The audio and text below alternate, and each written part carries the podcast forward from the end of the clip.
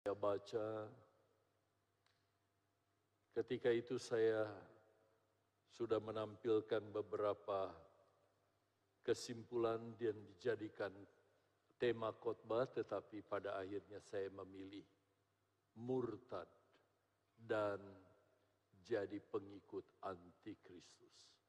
Wow, sungguh mengerikan tentunya. Dan kita tidak mau menjadi bagian dari orang-orang Kristen seperti yang ditemakan dalam khotbah ini. Tapi kita mau jadi jemaat yang setia, yang mengasihi Yesus sampai akhir kehidupan kita dan kita mewarisi kerajaan sorga yang dijanjikan bagi kita. Mari saudara kita langsung saja membuka Alkitab kalau ada yang membawa Alkitab karena saya juga menyediakannya dari tayangan yang saudara bisa lihat di layar LED.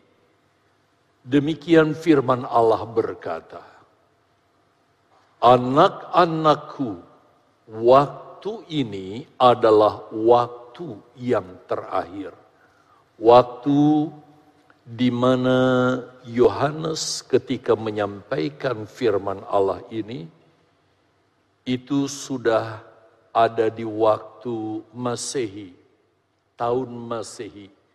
Tepatnya adalah tahun 90 kira-kira sampai 93. Dia menulis surat ini. Lalu dia katakan, dan seperti yang telah kamu dengar, seorang antikristus akan datang. Saudara perhatikan, seorang antikristus akan datang. Berarti belum datang. Dan sampai saat ini, ayat ini belum digenapi, sehingga kita mengartikan antikris masih akan datang. Dia belum datang. Tetapi saudara perhatikan, walaupun antikris belum datang, sekarang telah bangkit banyak antikristus. Nanti saya akan jelaskan di lain kesempatan karena waktu terbatas dan tidak mungkin saya akan bahas ini juga. Lalu di ayat 18 diingatkan ditan, di, di, diingatkan kita semua bahwa semuanya yang kita sudah baca tadi menandakan bahwa waktu ini, waktu di mana saudara dan saya sekarang hidup, tepatnya di tahun 2022, abad yang ke-21. Apa katanya? Benar-benar adalah waktu yang terakhir. Jadi kita ada di dispensasi yang terakhir. Dari rangkaian dispensasi demi dispensasi. Mungkin ada di antara ya, saudara yang tahu bahwa dari Adam sampai kepada Abraham itu dispensasi waktu yang pertama disebut sebagai awal zaman. Sedangkan dispensasi yang kedua adalah dari sejak Yesus dilahirkan ke muka bumi ini sampai Yesus datang yang kedua kali, uh, maaf ya, dari Abraham sampai kepada Yesus itu dispensasi yang kedua yang disebut sebagai pertengahan zaman. Sedangkan dispensasi waktu yang terakhir adalah dari sejak Yesus dilahirkan sampai Yesus datang kembali. Itu adalah dispensasi yang terakhir yang disebut akhir zaman. Sesudah itu tidak ada dispensasi waktu yang diberikan kepada manusia untuk berada di muka bumi ini, memperbaiki diri supaya bisa selamat. Itu sebabnya ditandaskan kepada kita, itulah tandanya bahwa waktu ini, waktu di mana saudara dan saya sekarang ini hidup, benar-benar adalah waktu atau dispensasi yang terakhir. Nah, di, di dispensasi yang terakhir ini, diingatkan kepada kita oleh Rasul Yohanes dalam ayat yang ke-19. Perhatikan ayat 19. Memang mereka berasal dari antara kita. Memang orang-orang yang jadi pengikut Yesus nanti itu salah satu di antaranya berasal dari kita. Apa yang dimaksud berasal dari kita? yaitu seperti saudara dan saya, orang-orang percaya. Tapi nanti mereka membelot menjadi pengikut antikris. Lalu apa katanya? Tetapi mereka tidak sungguh-sungguh termasuk pada kita. Jadi walaupun mereka adalah orang Kristen, seperti saudara dan saya, Mungkin hari ini juga ada di gereja, tapi bukan di sini saya harap. Sebab yang di sini betul-betul mengikuti apa yang Yesus inginkan. Apa katanya? Tetapi mereka tidak sungguh-sungguh termasuk pada kita. Kenapa? Sebab jika mereka sungguh-sungguh termasuk pada kita, pasti niscaya katanya mereka tetap bersama-sama kita, akhirnya tidak murtad, tidak membelot, tidak menyimpang jalan hidupnya, tapi tetap setia bersama-sama kita sebagai jemaat Tuhan. Terus, tetapi hal itu terjadi kalau mereka sampai pada akhirnya tinggalkan persekutuan sebagai anak Tuhan. Murtad tinggalkan Yesus. Semuanya nanti akan jadi tanda supaya menjadi nyata bahwa apa katanya saudara? Tidak semua mereka, tidak semua yang menamakan diri Kristen, tidak semua yang ke gereja, sungguh-sungguh termasuk pada kita. Saya harap ayat ini tidak terjadi dengan saudara. Karena saudara adalah orang yang sungguh-sungguh pengikut Yesus sejati. Mana amennya? Puji. Baik, Bapak Ibu, saudara yang dikasihi oleh Tuhan. Saya ingin langsung saja ke pendahuluan Beberapa waktu yang lalu, tepatnya kurang lebih ya, tiga minggu yang lalu saya sudah jelaskan kepada saudara bahwa yang namanya tokoh antikris yang akan muncul di akhir zaman dikatakan di ayat ini adalah seorang manusia.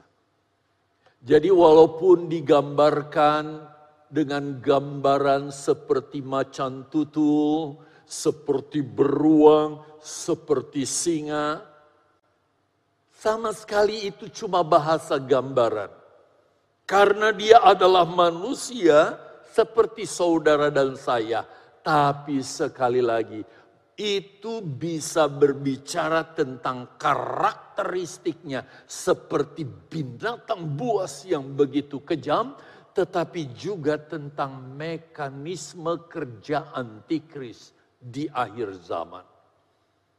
Itu sebabnya saudara dengan jelas ayat 18 tadi mengatakan kepada kita bahwa antikris adalah seorang manusia. Dan dia belum datang di muka bumi ini.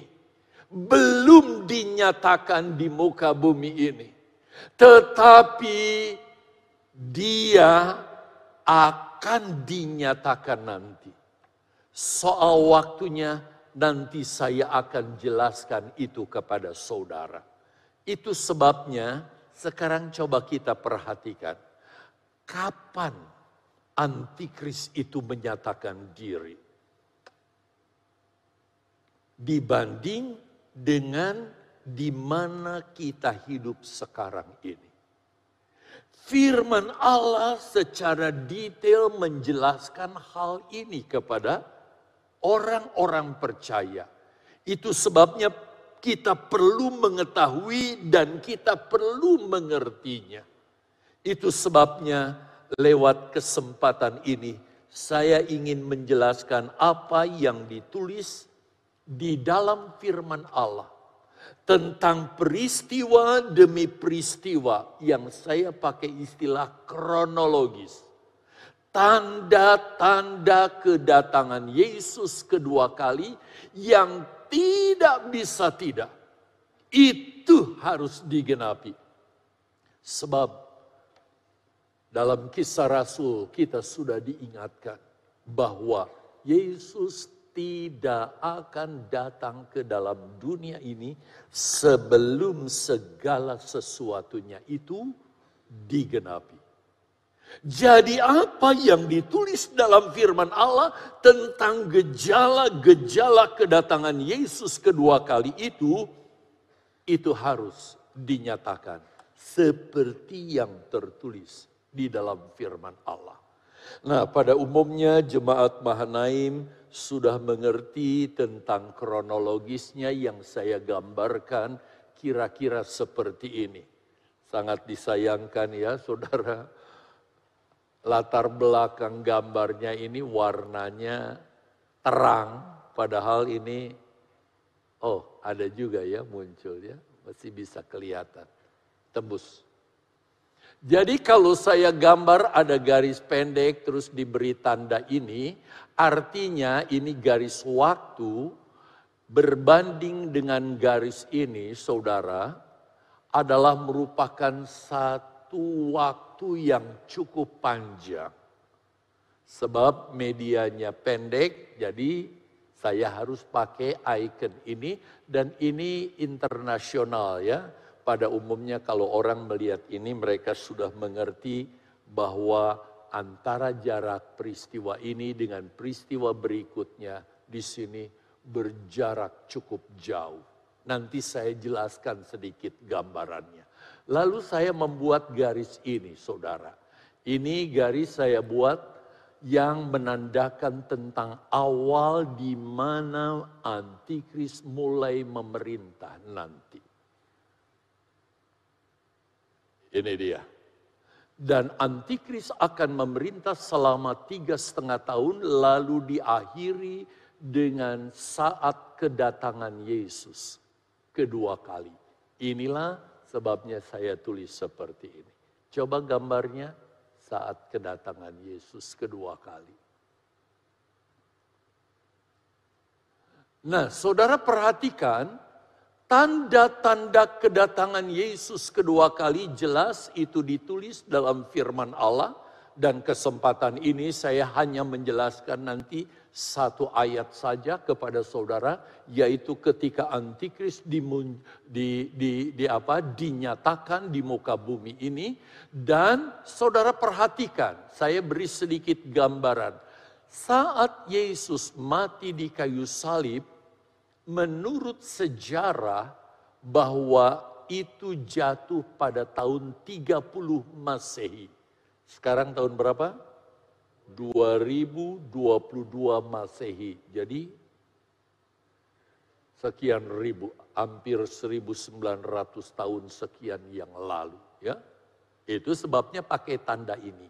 Nah, kalau tanda ini saya tampilkan, inilah merupakan saudara tanda-tanda kedatangan Yesus kedua kali. Yaitu dibukanya meterai yang pertama. Ada tujuh meterai yang harus dibuka. Salah satu di antaranya meterai pertama yaitu kuda putih yang menggambarkan tentang kegerakan pemulihan pemberitaan Injil yang diberitakan oleh kuasa Roh Kudus. Sebab sejak Yesus mati di kayu salib dibangkitkan, mati dibangkitkan, dan sebelum naik ke sorga dia perintahkan murid-muridnya untuk memberitakan Injil ke seluruh muka bumi ini. Dan murid-murid lakukan itu setelah mereka dipenuhkan dengan roh kudus.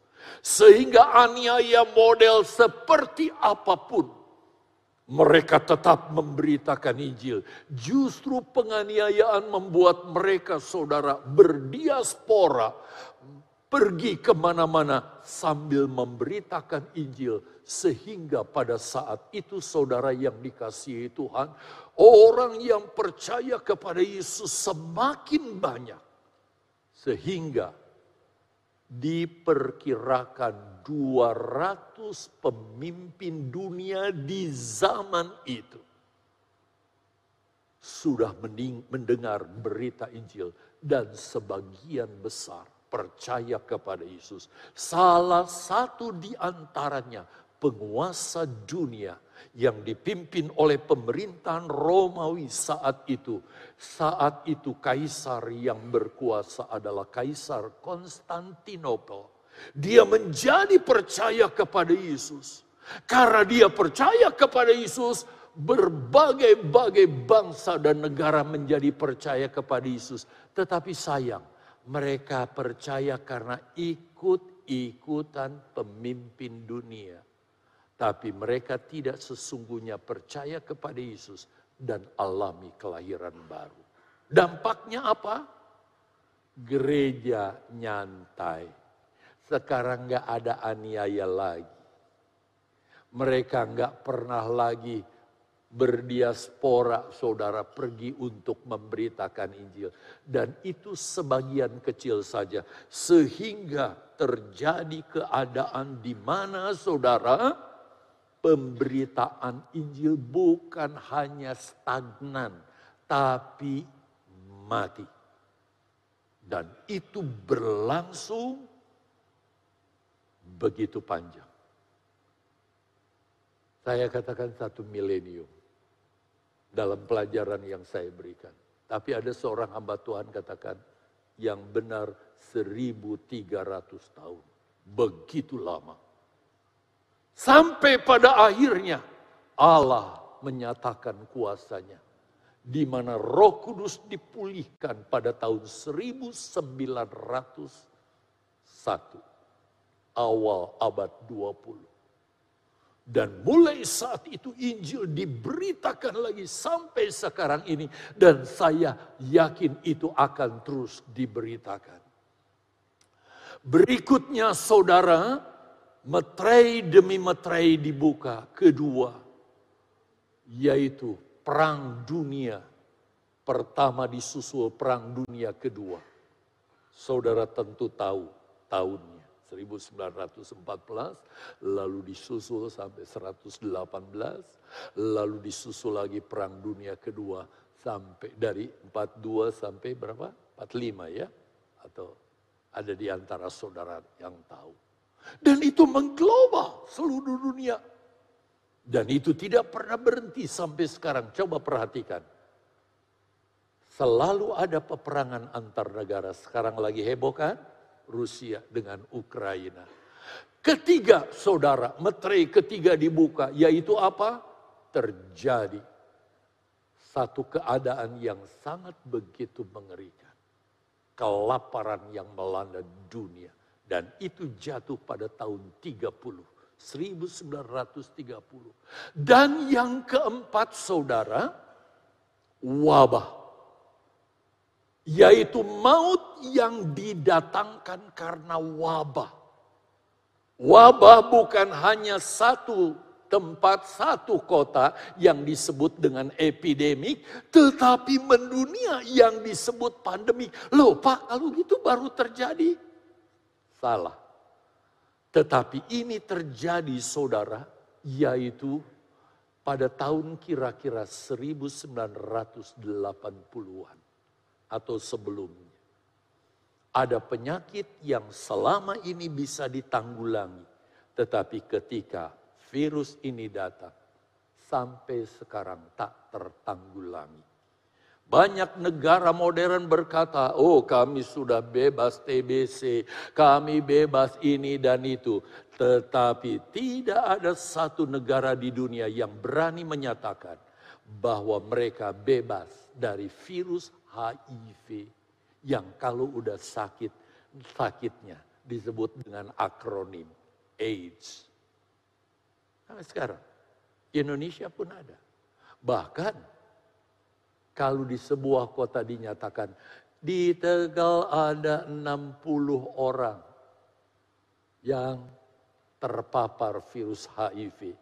Itu hanya merupakan puncak gunung es yang kita lihat ujung atasnya kecil. Tapi sebenarnya kalau lihat ke bawah, jumlah itu harus ditambah 02 di belakang. Dan ini terus berjalan saudara. Kita kaget. Dua tahun yang lalu lebih ya. Kita melihat virus. Dan menurut perkiraan ini pun tidak akan pernah berhenti. Kita dapatkan. Apanya? Apa istilahnya supaya ke bawah itu? Vaksinnya. Tetapi kita lihat datang yang baru. Sehingga jangan-jangan nanti kalau ada baby baru lahir, bukan hanya B, C, G, T, C, D, dan sebagainya. Tapi salah satu di antaranya vaksin ini. Tapi ini tidak akan pernah berhenti. Sampai kemudian, yang ke lima. Saya, saya, saya kalau di kelas menjelaskan bahwa kita kira-kira sedang menggenapi ini. Apa? Penggenapan apa? Ini adalah penggenapan dari penganiayaan yang dialami orang-orang percaya. Kalau saudara jeli, saudara dapat merasakan ini. Walaupun kita ada di negara masyarakat yang non-Kristen terbesar di tempat ini. Tapi mungkin saudara nggak merasakan kecuali di beberapa tempat kita lihat ada yang rutin alami penganiayaan dengan saudara disembeli dan berbagai-bagai macam siksaan aniaya. Tetapi mungkin saudara berkata, kok tidak mengglobal? Saudara ada beberapa tempat lain di muka bumi ini alami pengena, penganiayaan fisik yang mulai saudara berkembang begitu rupa. Khususnya di belahan Afrika dan di negara-negara lain. Tetapi kita tidak bisa pungkiri bahwa yang namanya aniaya sebenarnya bukan hanya fisik saja. Sehingga kita menganggap bahwa kalau kita ada di satu negara yang tidak alami aniaya fisik secara menyeluruh, kita ada di negara aman. Tetapi aniaya ini menyangkut jiwa dan juga roh. Secara jiwani, oh, kita lihat saudara-saudara kita yang ada di Cilegon, bukan? Mereka teraniaya. Mereka adalah bangsa, eh, eh, masyarakat yang hidup di tengah bangsa yang mengizinkan beribadah, tapi mereka tidak boleh beribadah. Roh mereka. Saudara-saudara kita, rekan-rekan hamba Tuhan sepelayanan dengan saya. Mereka teraniaya karena mereka tidak dapat beribadah dengan bebas. Bahkan ada seorang pengerja, sejak saya tinggal di Batu, kalau dihitung dari sejak saya ke sini 26 tahun yang lalu saudara. Sampai sekarang dia beribadah dari rumah ke rumah karena dia tidak diizinkan beri teraniaya jiwanya. Belum lagi teraniaya secara rohani. Apa itu? Kalau kita laks, saksikan saudara. Bagaimana firman Allah diinjak-injak begitu rupa. Dan ada beberapa negara Asia yang sudah melegalkan pernikahan sejenis. Kalau kita melihat itu, mendengar itu, roh kita teraniaya. Karena mereka begitu menghina dan merendahkan firman Allah. Bahkan menginjak-injak begitu rupa. Dan ini sedang terjadi. Lalu di hadapan kita meterai ke-6 apa? Bencana alam yang bersifat global. Saudara mulai rasakan? Beberapa hari ini Rasanya nggak pernah terjadi. Dari ujung Jawa Timur sampai ujung Jawa Barat. Semua hujan secara merata dan banjir di mana-mana. Dan pemerintah secara terbuka mengingatkan di Jawa bagian selatan akan ada tsunami dengan ketinggian gelombang. Wih, mengerikan.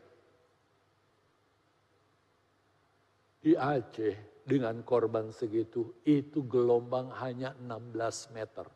Ini puluhan meter akan terjadi. Pemerintah tidak memberikan kepada kita waktunya, tetapi dia katakan berawas-awas. Gimana mau berawas-awas? Kita mau di mana? Begitu.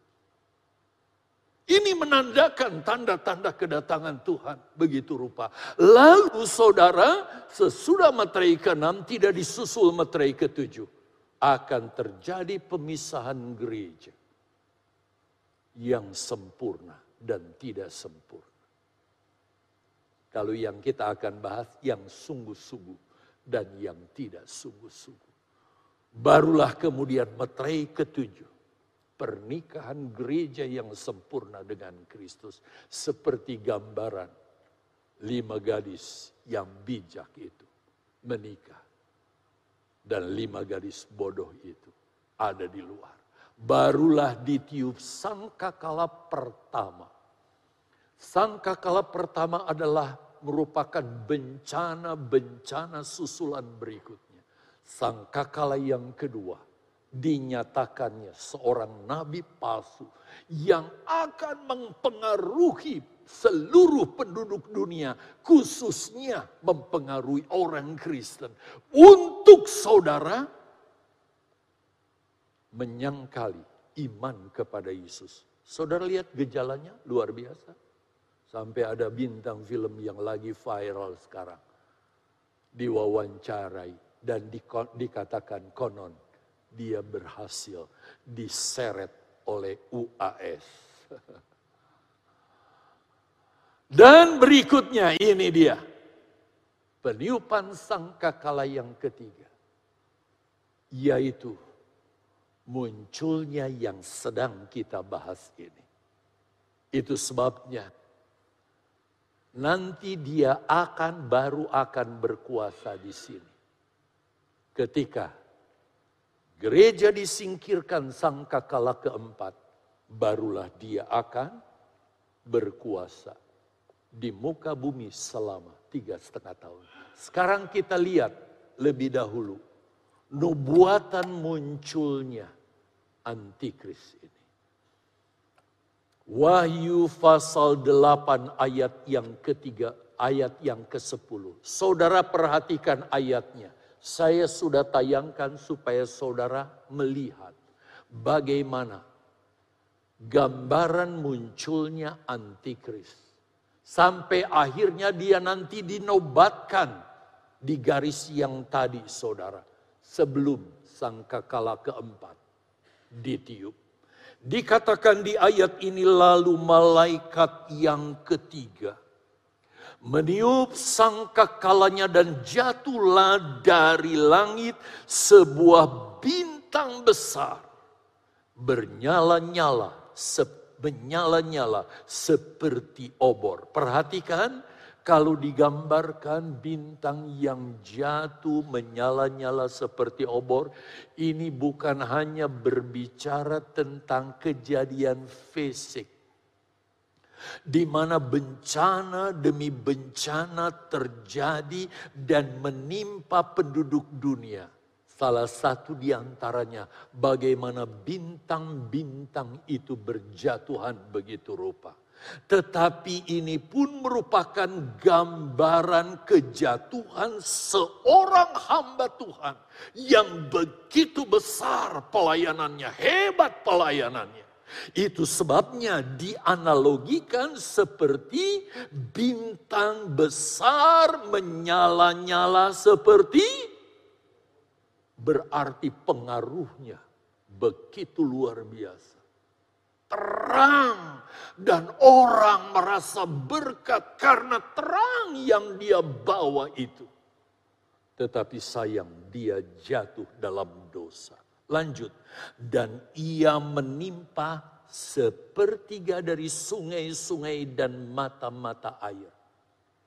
Bintang itu jatuh menimpa sungai-sungai.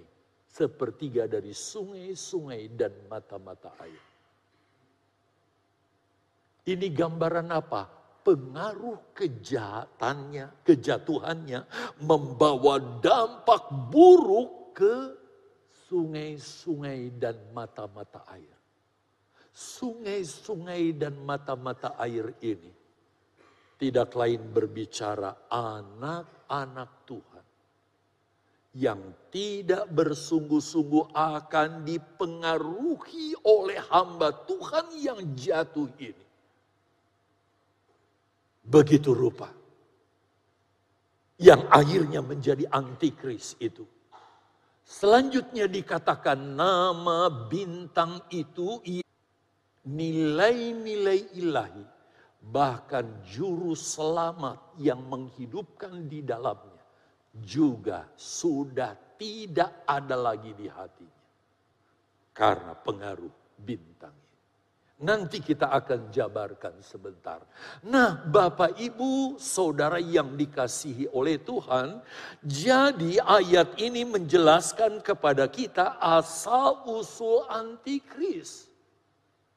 Pada saat sangkakala yang ketiga ditiup, dikatakan jatuhlah dari langit sebuah bintang besar yang menyala-nyala seperti obor. Saya menjelaskan lebih jauh lagi. Bintang adalah lambang orang percaya. Saudara, selain digambarkan seperti sungai dan mata air yang mengalirkan berkat kepada so semua orang, yang mengalirkan pengaruh yang baik dan positif bagi orang sekitar, tetapi juga di ayat ini digambarkan sebagai bintang yang memberi pengaruh positif, membawa cahaya yang terang, yang menyedak, menyenangkan. Itu sebabnya bintang di sini digambarkan sebagai keturunan Abraham secara rohani. Karena Israel menolak Yesus sampai sekarang secara kebangsaan mereka menolak Yesus kurang dari tiga persen dari populasi penduduk Israel yang percaya kepada Yesus. Selebihnya mereka menolak Yesus. Itu sebabnya bangsa pilihan yang menerima Yesus sebagai Tuhan Juru Selamat. Kita disebut sebagai keturunan Ibrahim secara rohani seperti yang ditulis di dalam Ibrani pasal 11 ayat yang ke-12. Tetapi sangat disayangkan Bapak Ibu Saudara sekalian. Anak Tuhan atau hamba Tuhan yang telah dipakai Tuhan dengan luar biasa Sehingga digambarkan seperti bintang yang terang. Yang pengaruhnya seperti obor karena menjadi berkat bagi banyak orang. Tetapi sangat disayangkan anak Tuhan atau hamba Tuhan ini dia jatuh bagaikan digambarkan bintang yang jatuh. Kenapa? Alasannya dia jatuh dalam dosa karena hidupnya tidak Kristianos. Kalau khotbahkan di Tegal gampang karena saudara telah jatuh ke dalam dosa karena hidupnya tidak Kristianos. Artinya hidupnya dan perbuatannya tidak sesuai dengan cara hidup Tuhan Yesus Kristus yang harus jadi panutan yang kita ikuti jejak-jejak langkahnya secara presisi dan kita tahu bahwa jejak langkahnya itu adalah firman Allah. Saya sangat berharap seluruh jemaat GPDI Mahanaim. Mereka adalah orang-orang yang Kristianos, yang hidup dan perbuatan sesuai. Sebab kalau tidak, kita akan menghadapi atau mengalami keadaan yang sama. Itu sebabnya saudara, banyak anak Tuhan Bahkan hamba-hamba Tuhan yang awalnya percaya kepada Yesus, hidupnya seperti bintang, memberi pengaruh dan dampak yang luar biasa seperti obor, sehingga tempat yang gelap pun berubah jadi terang karena nyala obor itu tetapi kemudian berubah dan hidupnya menjadi penentang, bahkan anti kepada Kristus. Pelawan kepada Kristus. Itu sebabnya gelarnya apa? Anti Kristus. Dulu pro Kristus. Dulu pelayan Kristus. Dulu pemberita Kristus. Sekarang jadi penentang. Dan sasaran tembaknya anak-anak Tuhan, orang-orang yang percaya kepada Yesus. Mereka, kenapa bisa keluar saudara dari Yesus dan berubah jadi seperti bintang absentus. Bintang yang pahit. Sehingga ketika jatuh menimpa, mempengaruhi orang Kristen. Mata-mata air itu Sungai-sungai yang memberkati itu berubah jadi absentus, artinya pahit. Yang kalau secara penjabarannya adalah membawa kepada kematian. Saya percaya jemaat Mahanaim di Tegal, pengaruhnya bagi lingkungan, membawa berkat, membawa kehidupan memenangkan jiwa bagi Kristus. Tetapi dengan kehadirannya saudara, tokoh yang satu ini justru membawa kematian.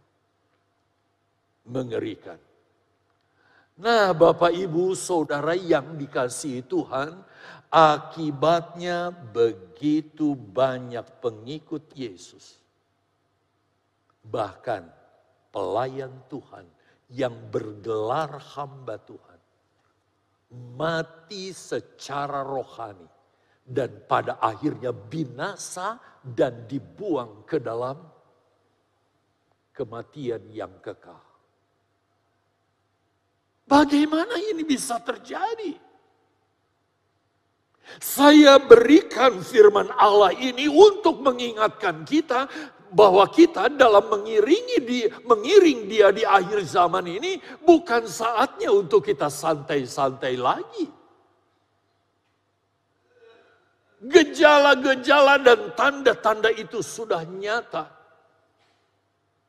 Kita melihat pengaruh diseretnya saudara orang-orang percaya kepada kebinasaan melalui beralihnya iman dari Kristus kepada yang lain itu mulai nyata dan terjadi. Walaupun di satu sisi kita lihat ada fenomena dari pihak mereka yang juga dimenangkan kepada Kristus.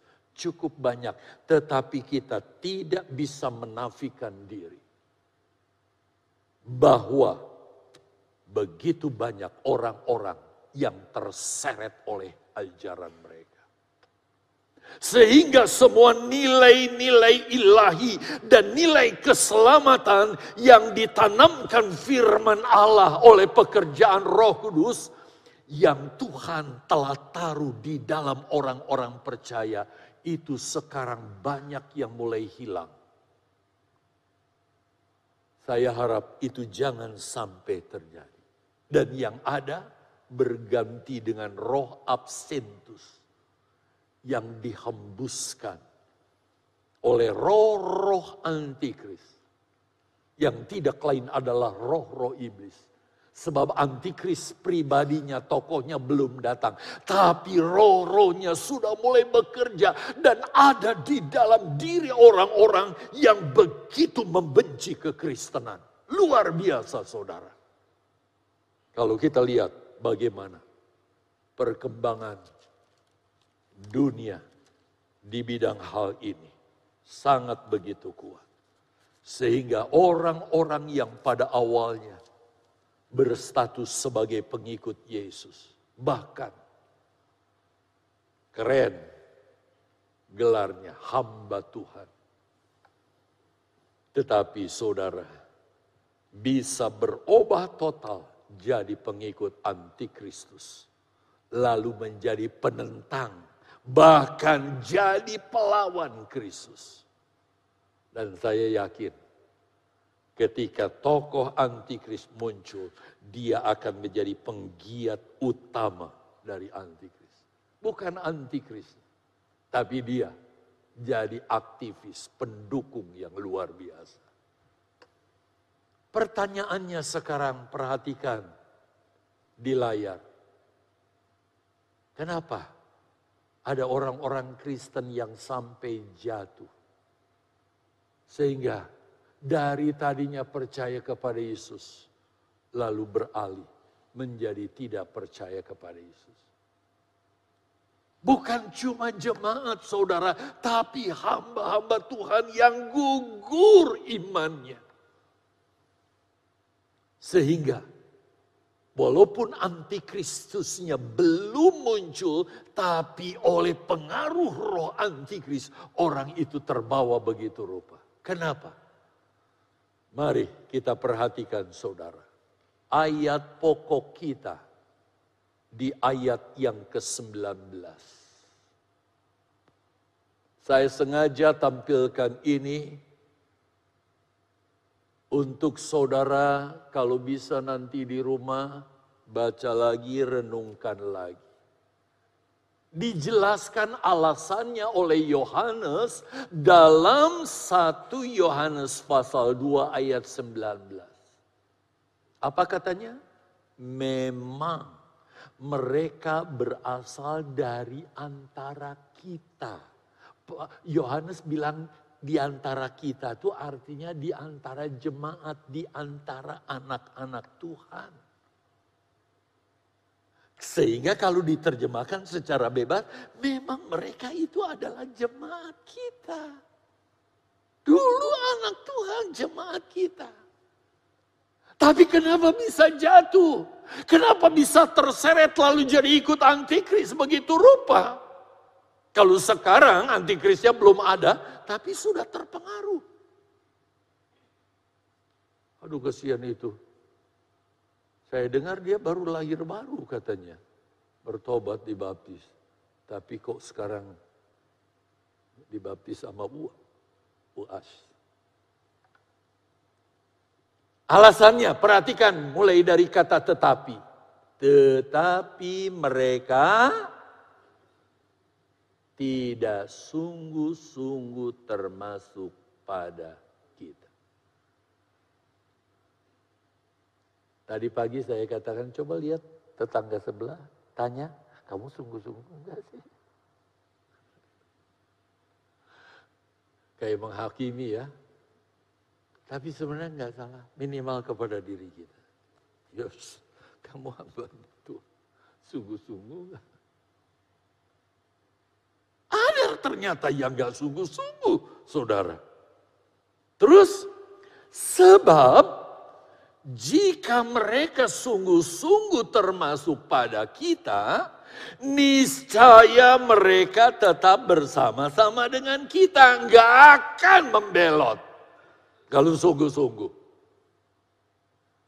Nggak mungkin akan terpengaruh. Dan ini terjadi, perhatikan. Tetapi hal itu terjadi supaya menjadi nyata bahwa semua jawab, semua baca. Dua, tiga. Cuma lima orang bro yang baca, aduh sedihnya.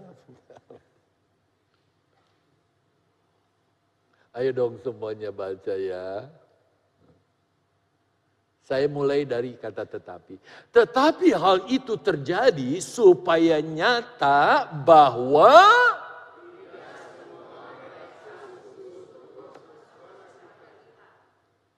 ternyata Alkitab secara terus terang berkata. Kalau kita ketemu orang Kristen di gereja di mana?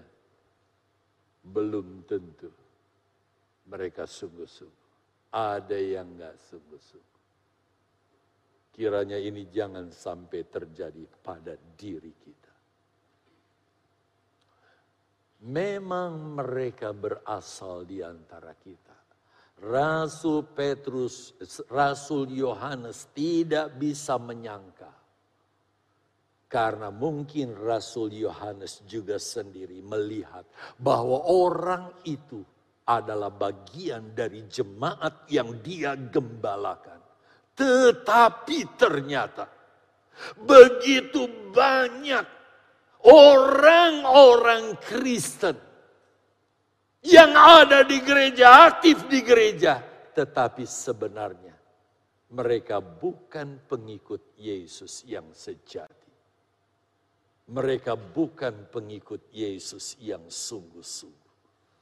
Mereka bukan orang Kristen yang akan mewarisi kemuliaan yang Tuhan Yesus janjikan karena dia tidak sungguh-sungguh. Yang menjadi pertanyaan, kok bisa anak Tuhan, pengikut Yesus, orang Kristen, bahkan seorang hamba Tuhan loh, lalu berkhianat dari Yesus dan menjadi pengikut bahkan menjadi penggiat atau aktivis antikristus nanti. Sekarang aktivitis aktivis roh-roh antikris itu yaitu roh-roh setan, roh-roh jahat yang sedang bekerja di akhir zaman. Bagaimana mungkin hal ini bisa terjadi? Salah satu penyebabnya saudara Rasul Yohanes berkata, lihat saya cuplik ayat tadi. Tetapi mereka tidak termasuk. Sungguh-sungguh termasuk pada kita. Secara terus terang Yohanes menjelaskan. Betul bahwa latar belakang mereka adalah Kristen. Pengikut Yesus. Mau istilah apa lagi?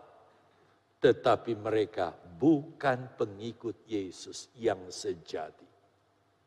Bukan pengikut Yesus yang sungguh-sungguh.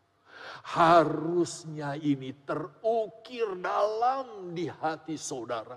Dan terus jadi peringatan kita. Supaya ketika kalau kita mulai menjadi lemah. Jangan sampai istilah tidak semua sungguh-sungguh pengikut Yesus. Itu akhirnya menjadi gelar kita. Diperuntukkan bagi kita. Tapi biarlah ini terus jadi peringatan bagi kita. Sebab itu, saya ingin katakan kepada saudara, penyampaian firman Allah seperti apa pun bentuknya. Sampai saudara menarik, aduh saya belum tahu ini sebelumnya. Tapi itu tidak akan ada gunanya. Kalau kita tidak menanggapi firman Allah dengan sungguh-sungguh. Dan kita praktekkan hidup kekristenan itu dengan sungguh-sungguh. Kesetiaan kita di dalam beribadah, cinta kita kepada Tuhan, kekudusan hidup kita benar-benar seperti yang Yesus inginkan. Kalau itu tidak terjadi dalam diri kita, dengar baik-baik, dengan mudah orang-orang yang dikuasai. Saudara pasti ya, kalau saudara jeli tahu dari mereka itu, orang-orang yang dikuasai oleh roh-roh antikris itu. Dia begitu gencar giat. Bahkan saudara tidak sedikit yang bergelar tertentu istilahnya saudara tahu sebab sudah pindah dari pengikut Kristus jadi pengikut mereka, mereka jadi penggiat habis. Yang begitu gencar menyeret orang-orang Kristen untuk ikut saudara. Salah satu di antaranya lulusan salah satu sekolah Alkitab di Surabaya. Istrinya, anaknya masih tetap jadi pengikut Yesus. Tapi dia sedang berusaha seret begitu rupa. Mengerikan orang ini.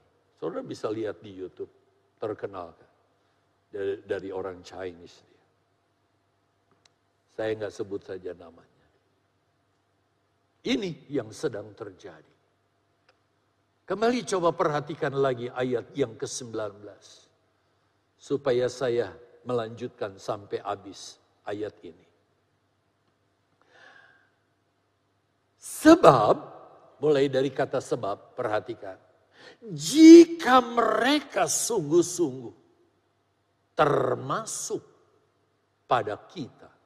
Jika saudara jemaat Mahanaim adalah jemaat yang sungguh-sungguh dalam pengiringan kita kepada Tuhan. Apa katanya? Diberi jaminan di sini. Niscaya mereka akan setia. Bukan setia jadi anggota jemaat saja. Setia sebagai pengikut Yesus yang sejati. Terus kita diingatkan, tetapi hal itu terjadi supaya menjadi nyata, supaya mata kita sekarang terbuka bahwa apa? Ternyata tidak semua jemaat itu sungguh-sungguh.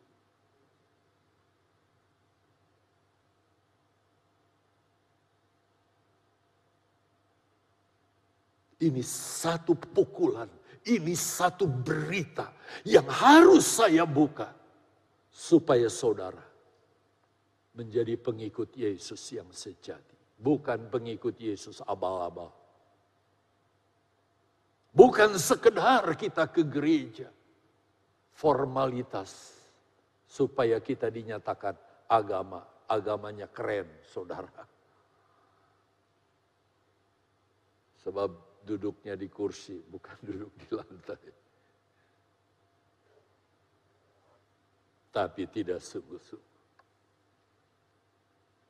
Saya percaya, saudara yang mendengar firman Allah, baik di rumah maupun di tempat ini.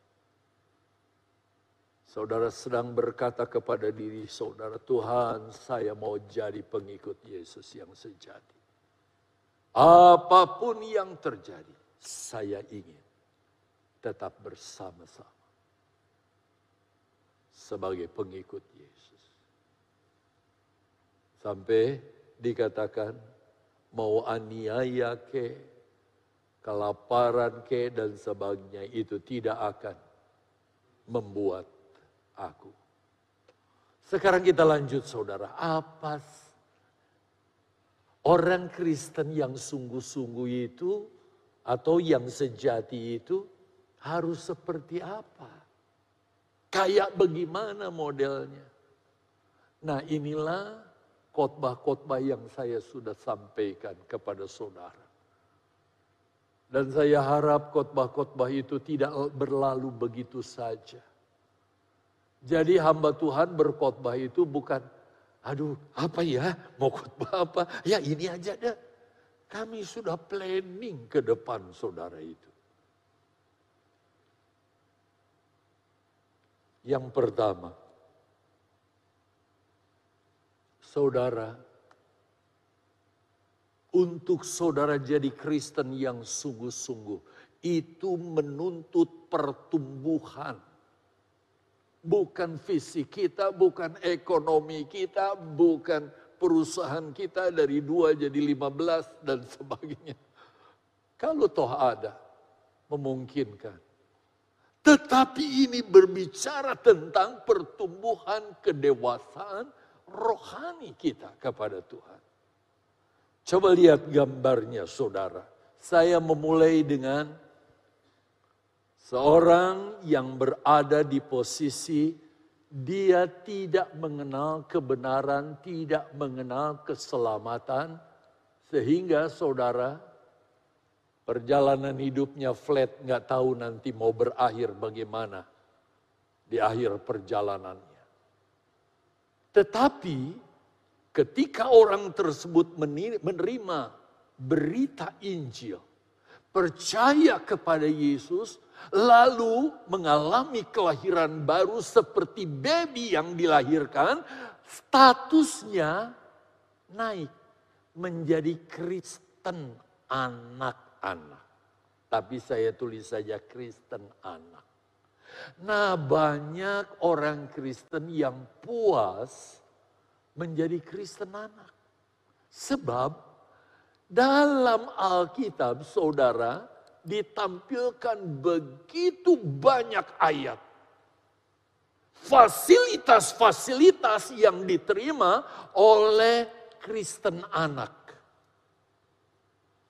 sakit disembuhkan, susah dihiburkan, masalah ditolong Tuhan, apa pun yang terjadi sehingga saudara senang yang dia dengar seperti anak yang terus mendengar kata-kata yang baik dari ibu bapaknya. Disuapi dengan makan, hanya tinggal teriak, ah papa mamanya perhatikan begitu rupa. Tapi sayang begitu banyak orang Kristen puas jadi Kristen anak.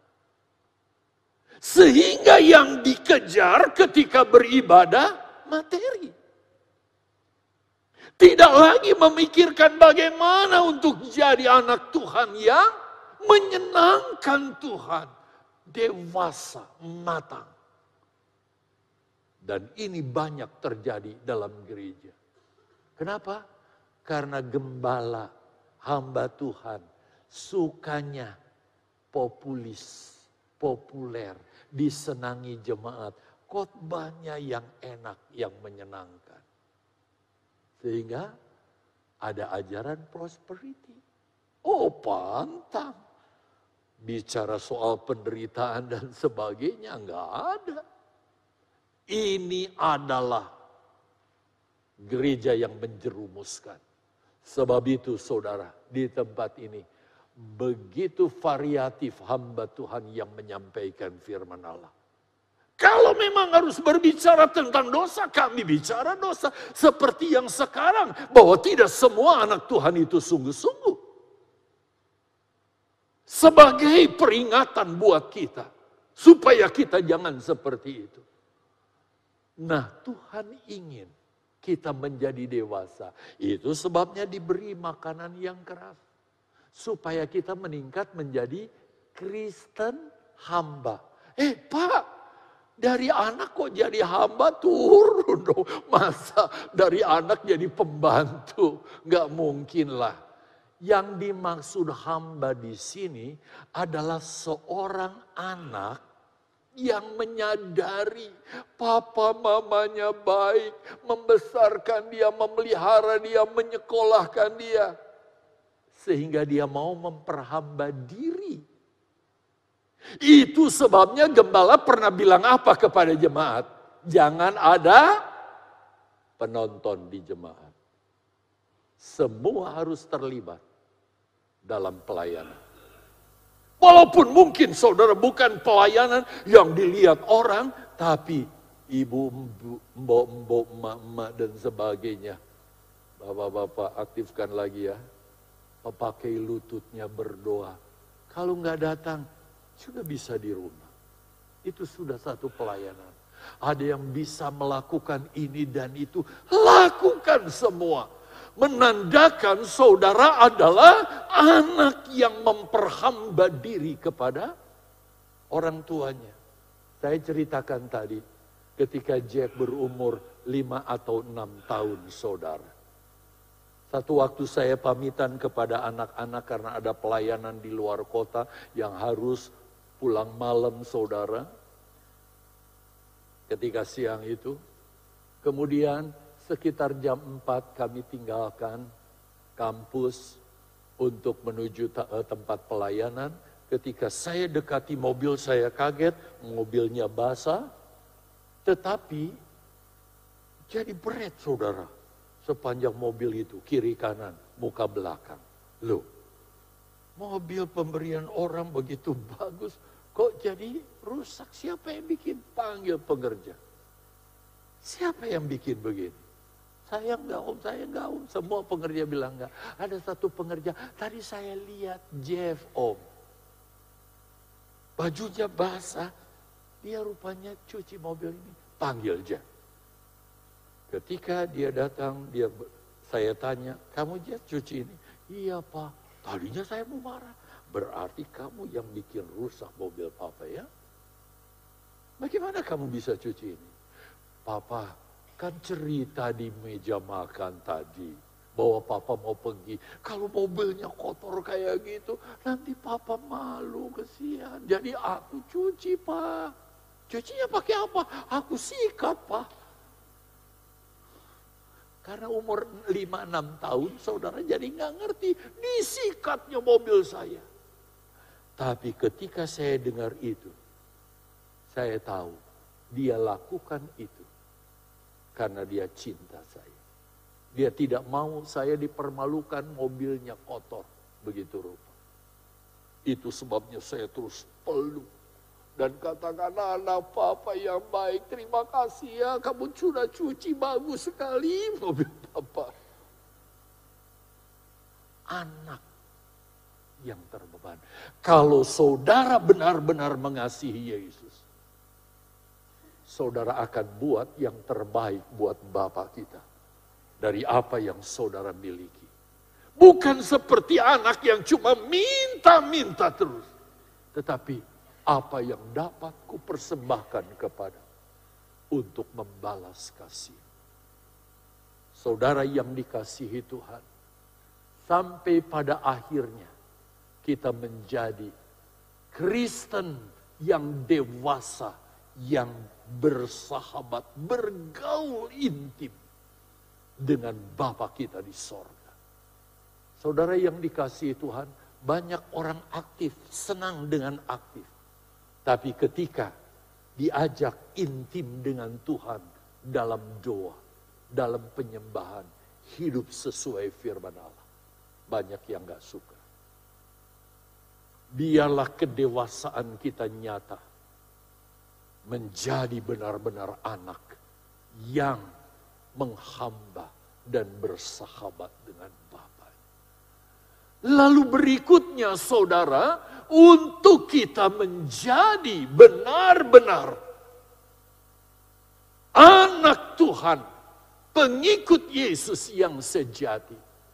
Bukan hanya di gereja. Itu sebabnya lokasi gambarnya di mana ini? di tempat umum, di pantai. Tetapi di mana pun dia berada, dia tidak hidup menurut keinginannya. Dia terus mengingat bahwa dia harus hidup sesuai dengan jejak-jejak tapak kaki Yesus yang tidak lain adalah firman Allah. Melakukan firman Allah bukan dua jam di gereja. Tetapi sepanjang nafas hidup kita. Dilihat orang, tidak dilihat orang. Kita mengikuti. Dan yang ketiga, semua sudah diajarkan kepada saudara ini. Ingat, kita harus ada di posisi yang jelas. Saya pernah sampaikan kepada saudara, kalau kita jujur, kita di posisi mana sekarang? Tetapi Tuhan ingin kita, waktu dia datang, terus, terus saja, dinyatakan ada di dalam kasih yang selevel dengan kasih. Kasih agape. Sehingga kita tidak akan disebut sebagai dulu dia bersama kita. Kalau saja dia bersama kita. Tetapi kita tetap bersama-sama. Tuhan memberkati saudara sekalian. Mari kita mau nyatakan kasih kita kepada dia. Dengan sikap kita. Berkata Tuhan, saya menerima pribadimu seutuhnya. Supaya pribadinya nyata